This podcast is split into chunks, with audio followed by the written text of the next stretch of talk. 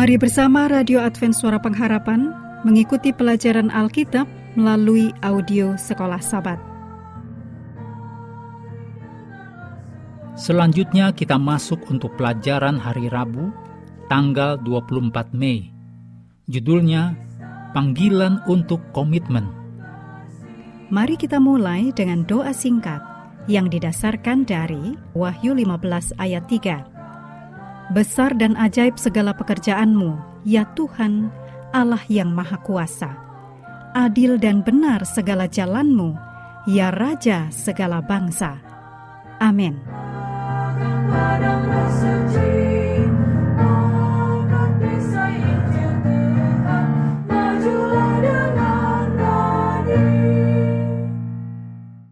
Seruan wahyu adalah panggilan mendesak untuk komitmen diringkas dalam simbolisme dua perempuan dalam wahyu.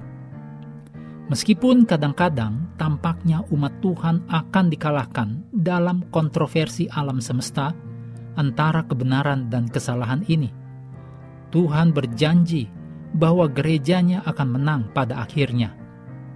Matius 16 ayat 18 dan Wahyu 17 ayat 14 adalah janji yang Yesus berikan kepada murid-muridnya mengenai gerejanya yang didirikan di atas batu karang yang kuat, yaitu Yesus sendiri.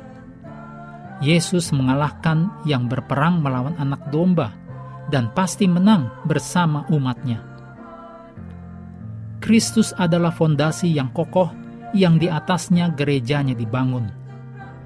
Gereja Kristus didasarkan pada ajaran firman-Nya dan dibimbing oleh rohnya. Sebaliknya, Babel, seperti yang telah kita lihat, berakar pada ajaran dan tradisi buatan manusia. Setiap pemimpin agama yang menggantikan penyataan kehendak Allah dalam kitab suci dengan pendapat atau tradisi manusia dan membuatnya setara atau di atasnya menumbuhkan kekacauan Babel.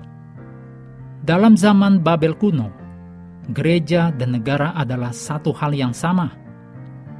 Ketika Raja Nebukadnezar duduk di kuilnya di atas tahta kerajaannya, dia konon berbicara mewakili para dewa. Pada satu kesempatan, sebagai tindakan menentang Allah yang benar, Raja Babel mengeluarkan dekrit universal yang menegakkan penyembahan patung dan memerintahkan semua rakyatnya untuk tunduk pada dekritnya. Demikian ditulis dalam Daniel pasal 3. Ini melambangkan apa yang akan dihadapi umat Tuhan yang setia di hari-hari terakhir, yang menolak untuk menyembah patung palsu. Pada hari-hari terakhir sejarah bumi, sebuah sistem gereja negara akan muncul.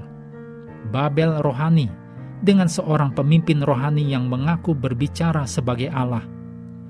Perkataan pemimpin ini akan dinyatakan sebagai firman Allah, dan perintah pemimpin ini dinyatakan sebagai perintah-perintah Allah.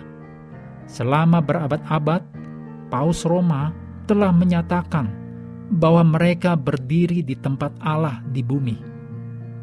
Dalam surat ensikliknya tanggal 20 Juni 1894, Paus Leo ke-13 menyatakan, "Kami memegang di atas bumi ini tempat Allah yang Maha Kuasa."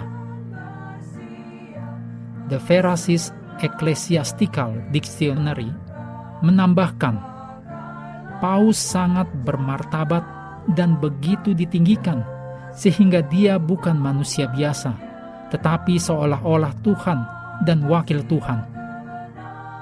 Rasul Paulus menambahkan untuk mengungkapkan kekuasaan ini yang ditulis dalam 2 Tesalonika 2 ayat 4 yaitu lawan yang meninggikan diri di atas segala yang disebut atau yang disembah sebagai Allah.